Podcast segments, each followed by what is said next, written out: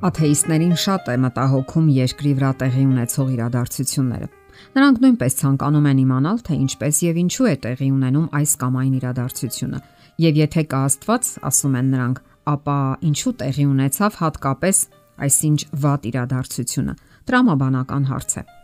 Սակայն նրանք բաց են թողնում մի կարևոր հանգամանք՝ սատանայի ներկայությունը մեր երկրում։ Չէ որ նա երանդուն գործում է մարդկային հոգիների կորուստի համար Այս հանգամանքը նրանք չեն ցանկանում հաշվի առնել, փորձելով ճարիքի ու մեղքի արմատը տեսնել միայն Աստծո մեջ։ Սակայն դա այդպես չէ։ Երկրի վրա պայքար է տեղի ունենում, դաժան պայքար։ Այն շարունակվում է արդեն հազարավոր տարիներ եւ շարունակվում է թե ազգերի պատմության մեջ եւ թե անհատների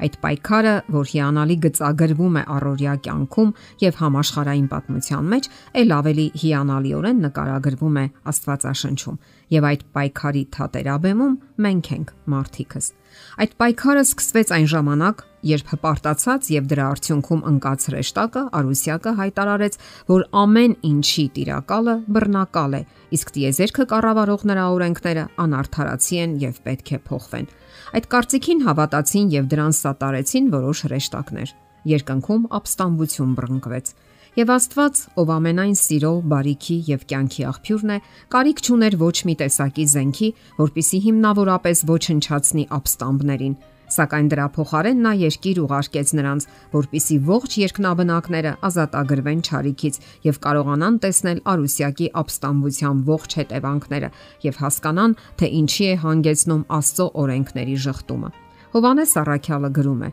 Սրա համար ուրախացեք, ով երկինք եւ որ բնակված եք նրանում։ Վայ երկրին ու ծովին եւ նրանցում բնակվողներին, որ բանսարկուն վայր իջավ ձեզ մոտ, որ մեծ բարկություն ունի, գիտենալով, որ քիչ ժամանակ ունի։ Կարդում ենք Աստվածաշնչի վերջին գրքում, հայտնության գրքում։ Ընկնելով երկիր Արուսյակը այլևս սկսեց կոչվել Սատանա Դրանից հետո նա գայթակղեց ու խափեց Եվային ու Ադամին, որpիսի նրանք ուտեն արգելված պտուղը։ Աստված թույլ տվեց, որ մարդիկ հնարավորություն ունենան ընտրելու բարին ու չարը, հնազանդությունը եւ անհնազանդությունը, որովհետեւ սիրո ապարքևը անխուսափելիորեն ենթադրում է ազատություն։ Սակայն Աստված կանխատեսել էր նաև այդ ճարիքի հակաթույնը։ Մարդկանց մեղքերից ազատ ագրելու համար Աստված մեր երկիր ուղարկեց իր միածին որդուն Քրիստոսին։ Աստվածաշունչը գրում է, որովհետև եթե մեկի մեղքով մահը թակավորեց այն մեկի ձեռով, ել որքան ավելի նրանք, որ ընդունում են շնորհքի լիությունն ու արդարության ապարքևները, կյանքով կթակավորեն այն մեկ Հիսուս Քրիստոսի ձեռքով։ Պայքարը շարունակվում է։ Այն սկսվել է Եդեմական այգում եւ կավարտվի Քրիստոսի երկրորդ գալուստով, երբ նա երկրորդ անգամ վերադառնա երկիր։ Առաջին անգամ նա եկավ երկիր եւ իր փրկարար զոհաբերությամբ ազատագրեց մարդուն մեղքի իշխանությունից եւ անեծքից։ Շարունակվող պայքար, որի մեջ ներգրավված են Քրիստոսը եւ Սատանան, բարի եւ չար հրեշտակները, ինչպես նաեւ մարդիկ։ Պայքարի սկիզբը դրվեց Եդեմական այգում, երբ Կայենը սպանեց անմեղ Աբելին։ Այդ պայքարը շարունակվում է յուրաքանչյուր մարդու հոգում, յուրաքանչյուր ընտանիքում, ազգում եւ երկրներում, քաղաքական, համաշխարային եւ պատմական մակարդակում։ Ասենք որ այս բոլոր գործընթացները մանրակրկիտ ներկայացված են Աստվածաշնչում։ Մարգարեությունները པարզորոշ ցույց են տալիս, թե ինչպես մի թակավորությունը փոխարինում է մյուսին, ինչպես քաղաքական եւ կրոնական կազմակերպություններ ու շարժումներ խապված սատանայից եւ առաջնորդվելով նրա ցուցումներով կձգտեն իշխանության կճնշեն Աստծո ժողովրդին, փորձելով խլել Աստծո կողմից մարդկանց տրված ազատությունը եւ կաշխատեն փոխել Աստծո հաստատած օրենքը։ Դրանք փոխարինելով իբր թե մարդասիրական, սակայն իրականում Աստվածամերժ գաղափարներով։ Եվ շատ բաներում Աստծո ճշնամին հաջողությունների է հասնում, օգտվելով խափեությունից, սпарնալիքներից եւ շահարկելով մարդկային թուլություններն ու արատները։ Սակայն այդ բոլորն ունեն իրենց որոշակի սահմանը։ Ամեն մարդ, ընտանիք կամ երկիր չէ, որ տրվելու է սատանայի խափեություններին։ Եվ ահա Աստվածաշունչը ցույց է տալիս այդ մեծ պայքարի պատմությունը, փրկության եւ հաղթանակի պատմությունը բոլոր մակարդակներում։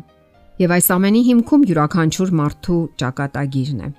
Ամեն մեկը պետք է կարողանա հասկանալ, թե ինչ է տեղի ունենում աշխարհում Քրիստոսի երկրորդ գալուստից առաջ։ Պետք է հասկանա, թե ինչ է նշանակում հոգևոր Բաբելոն, որի մասին բազմիցս հիշատակվում է հայտնության գրքում։ Այդ հարցերի պատասխանները բացառիկ կարևորություն ունեն յուրաքանչյուր հավատացյալի համար, որովհետև դրանք անձամբ նրա փրկությանն են վերաբերում։ Կարդում ենք. Դուրս եք դրանից, ով իմ ժողովուրդ, որ մասնակից չլինես դրա մեղքերին, որովհետև այդ կեղծ քաղաքական կրոնական համակարգի դատավճիռը արդեն կայացված է։ Կարդում ենք. անկավ անկավ Բաբելոն մեծ քաղաքը, որովհետև իր pornokության բարկության գինուց խմեցրեց բոլոր ազգերին։ Եվ կտապալվի կեղծիքի մեծ կառույցը, որ կայացվել է դարերի ընթացքում եւ իր գագաթնակետին հասել մեր ժամանակներում, այս վերջին օրերում։ Այս ամենը պետք է մտածելու տեղիք տա բոլորիս։ Ինչ դիրք գրավել այս մեծ պայքարում։ Հնարավոր չէ պարզապես մի կողմ քաշվել եւ ասել. «Սա ինձ հետ կապ չունի»։ Բոլորս ենք ներգրավված այդ պայքարում։ Մեր հավերժական փրկության կամ կորստի հարցն է դրված պայքարի հիմքում։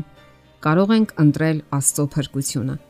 Կարող ենք նաև անհոգ վերաբերվել եւ ապրել այնպես, կարծես ոչինչ էլ տեղի չի ունենալու։ Սակայն ինչ որ բան տեղի է ունենալու եւ դա Քրիստոսի երկրորդ գալուստն է։ Այդպես է վկայում Աստվածաշունչը։ Եթերում է ղողանջ հավերժության հաղորդաշարը։ Ձեզ հետ է Գեղեցիկ Մարտիրոսյանը։ Հարցերի եւ առաջարկությունների համար զանգահարել 033 87 87 87 հեռախոսահամարով։